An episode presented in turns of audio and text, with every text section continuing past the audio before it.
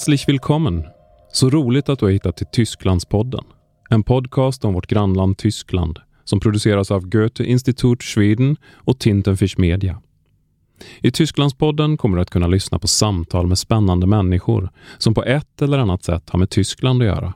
Det kan handla om författare, politiker, filmregissörer, musiker eller någon som du vill höra. Jag heter Mats Almegård. I Tysklandspodden kommer du att kunna lyssna på samtal med spännande människor som på ett eller annat sätt har med Tyskland att göra. Du kanske själv har ett förslag på någon som du vill höra? Mejla i så fall info Stockholm snabela goethe.de och berätta vem du skulle vilja höra i Tysklandspodden. I varje avsnitt samtalar vi med en eller flera spännande personer. Ibland är intervjuerna på tyska med en sammanfattning på svenska.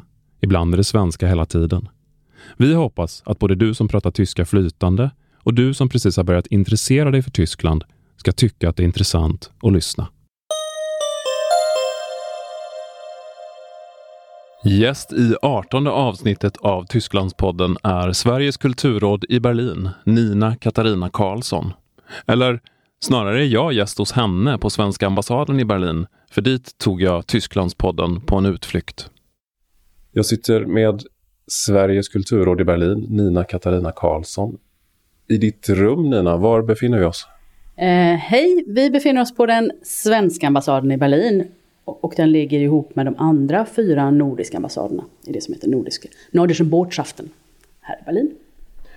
Och du har eh, visat runt lite och berättat att de här eh, ambassaderna är, eller den här byggnaden är 20 år gammal. Så det är någon slags jubileum i år, eller? Ja, jubileet var faktiskt i höstas, i oktober var det 20 år sedan ambassaden öppnade här i Berlin igen. Så att, ja, vi är inne på det 21 året nu då. Och du själv firar inte 20-årsjubileum som kulturråd. Du firar fyra månaders jubileum bara. Precis, idag har jag varit här i fyra månader. Jag började första oktober så jag är fortfarande väldigt ny på den här posten. Vad gör man när man är kulturråd i Berlin? Eh, det är väldigt enkelt. Man främjar svensk kultur i Tyskland, i hela Tyskland, inte bara i Berlin. Det är ju enkelt på pappret, men det är ju mycket, det är alla konstformer, det är alla möjliga eh, festivaler, organisationer vi jobbar ihop med och vi får väldigt mycket förfrågningar.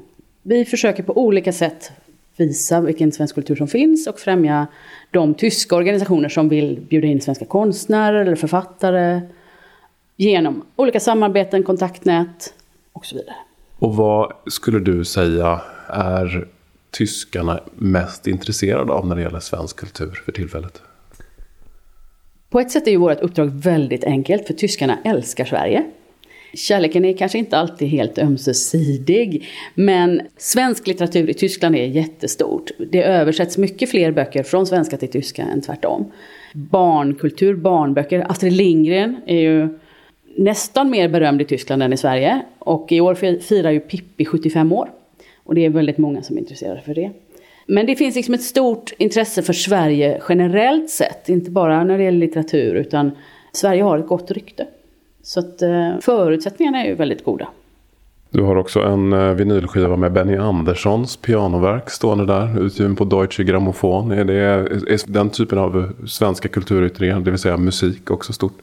Absolut. Ehm, det, det finns det är ständigt svenska musiker som hör av sig och eh, har blivit inbjudna till olika saker. Just Benny Andersson har inte jag träffat, det är min företrädare Nina Rölke som ehm, hade med det att göra. Men till exempel Nils Landgren har en stor Tysklandsturné här i vår. Och då försöker vi åtminstone uppmärksamma det i våra kanaler. Sen finns det säkert mycket som går oss förbi också, att eh, svenska musiker har direktkontakter med, med tyska scener, organisationer och riktigt allt får vi inte reda på.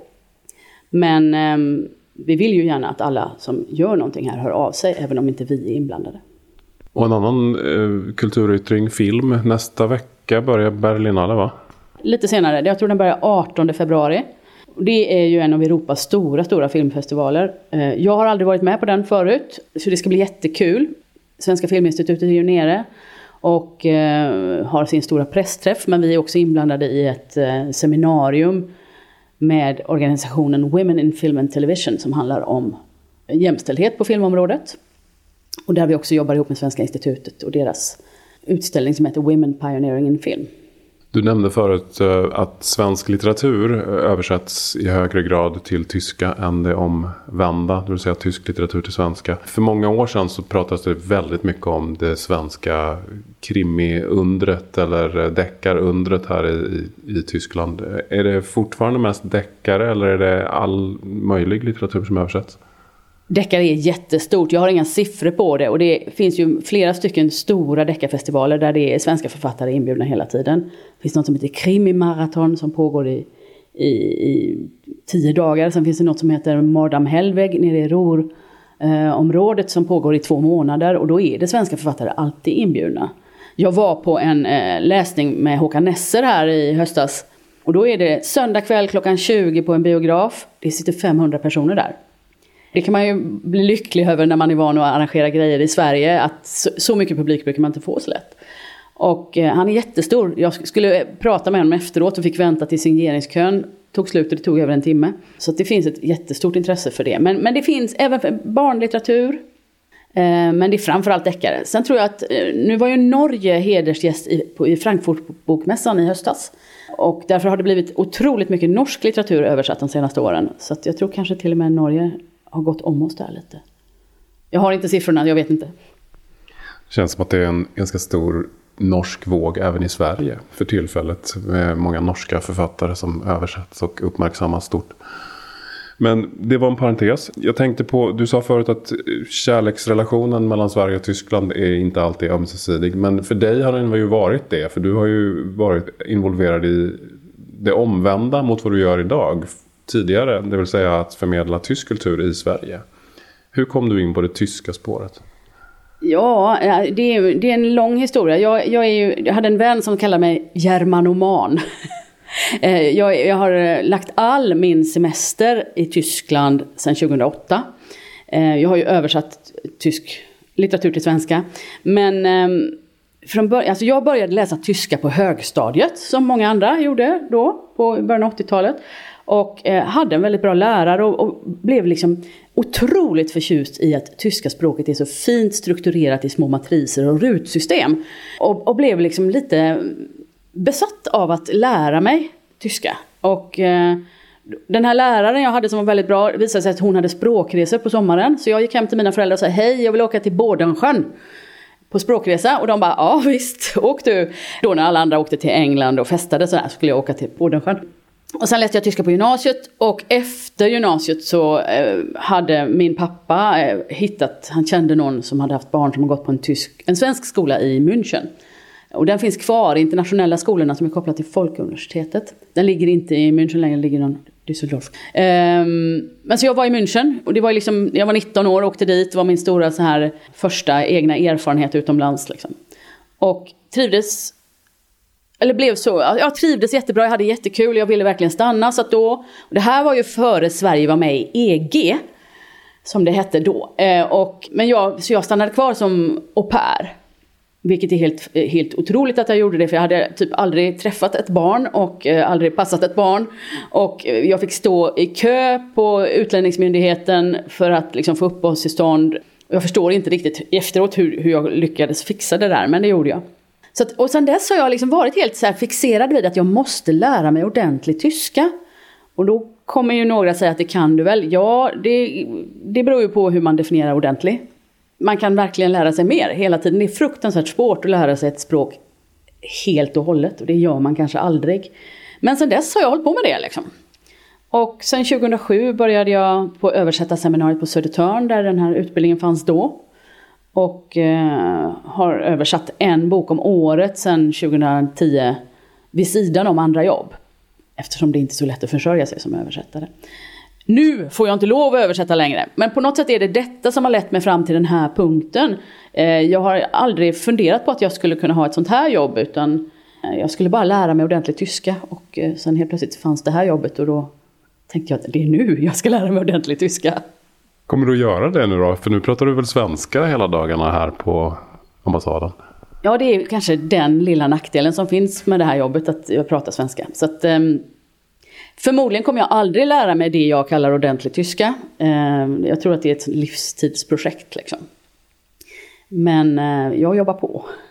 Jag tror att du eh, pratar eh, så bra tyska det går, höll jag på att säga. Men jag tänkte på, för du sa att du inte får översätta. Men du får väl, när du är ledig så får du väl ta del av Berlins kulturliv. Och inte bara det som är profilerad svenska, utan Berlin i stort. Är det så?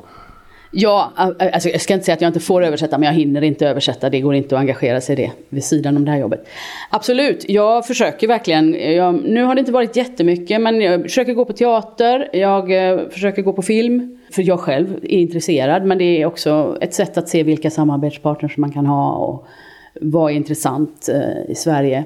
Sen har ju vi, vi medverkar ju i massor av evenemang. Och då får man gå på dem också. Senast igår hade vi finissage på vår stora nordiska utställning här. Så att eh, jag jobbar ju också ganska mycket kvällar och får ju ja, ha min hobby som jobb faktiskt. Genom att gå på olika kulturevenemang här. Hur skulle du säga, jag menar Berlin är ju en stad som många svenskar reser till. Det är en stad som är känd som en väldigt stor och bra kulturstad.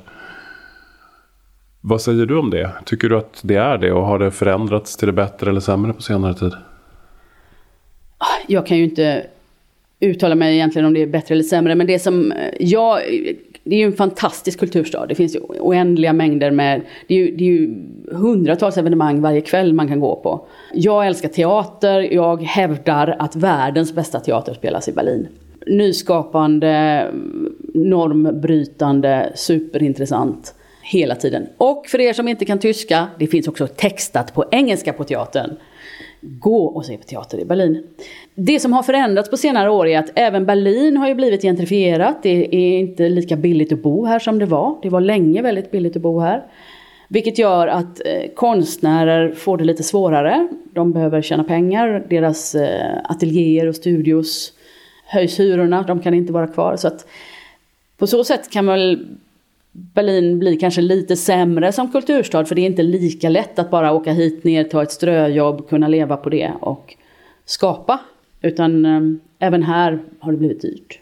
Teater, eh, Nina, har du, något, har du något tips på något som går nu som man kan gå och se som är så här nyskapande och berlinskt? Jag har inte det som skiljer eh, teater i Tyskland i Sverige är att man spelar mycket mer repertoar i Tyskland. Det vill säga att man har många, många pjäser på repertoaren och de går i flera, flera år men de går i perioder, vissa dagar och sådär. I Sverige kör man ju liksom en pjäs i några månader och sen lägger man ner den. Därför är det svårare överblick för det finns mycket mer. Eh, så jag vet inte just nu men Gorki teater, alltid väldigt bra.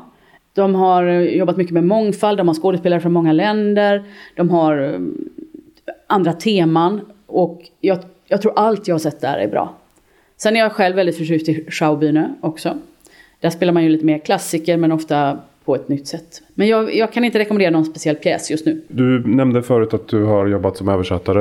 Hur många böcker har det blivit som du har översatt från tyska till svenska? Har du koll på det? Mm, åtta tror jag. Och två teaterpjäser.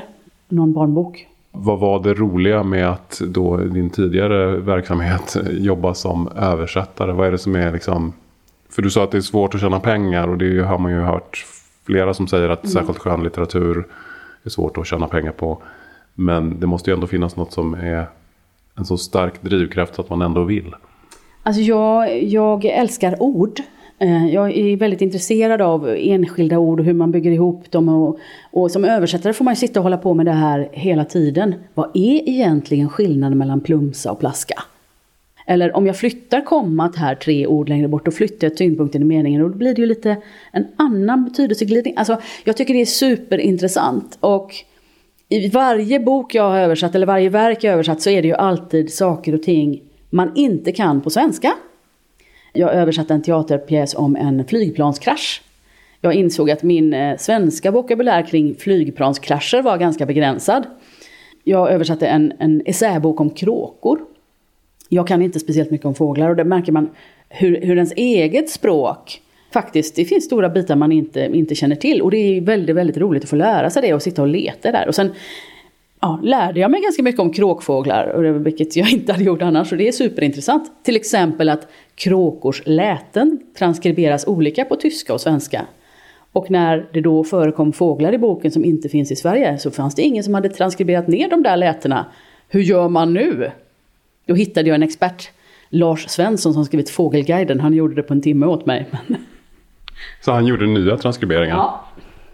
Eh, absolut, det var helt underbart för jag kände så här, ja, det här, jag kan inte göra det här med heden i behåll. Liksom. Jag har ingen aning om hur det här går till. Nej, han bara, alltså var det bara det? Det fixar jag! Man får, man får, jag, jag träffade, eller jag träffade inte, jag pratade också vid ett tillfälle med eh, jourhavande geolog på Naturhistoriska riksmuseet om droppstensformationer i österrikiska grottor. Han blev jätteglad att någon intresserade sig för det. Vad roligt. Men vad, och motsvarande fråga då, vad är det som är det roligaste och mest eh, intressanta, utvecklande för dig att, eh, i, din, i din nya roll här? Ja, alltså nu är ju väldigt mycket nytt. Jag har ju varit mycket i Berlin tidigare, men, men det är ju att i lite större utsträckning verkligen kunna få ta del av vad, vad som händer här i Berlin. Och eh, sen är det, handlar det om att eh, skapa förutsättningar och arrangera kulturevenemang, vilket jag har gjort en stor del av mitt yrkesliv. Eh, men med nya aktörer, kanske nya konstformer som jag inte har jobbat med. Jag har jobbat väldigt mycket med litteratur och teater, scenkonst överhuvudtaget. Men jag har inte jobbat så mycket med bildkonst. Och, och man får liksom möta nya konstuttryck, nya konstellationer. Så att eh, jag lär mig saker varje dag. Härligt. Stort tack för det. Mm. Tack själv. Och med de orden är det slut för den här gången. Vi tackar Nina Katarina Karlsson för att hon tog emot på svenska ambassaden i Berlin. Tysklandspodden produceras av mig, Mats Almegård på Tintenfisch Media för Goethe Institut Schweden. Ljudproducent är Andreas Tilliander. I nästa avsnitt får ni höra Bauhaus-experten Ulrike Müller i ett samtal med Simone Schmid. Missa inte det.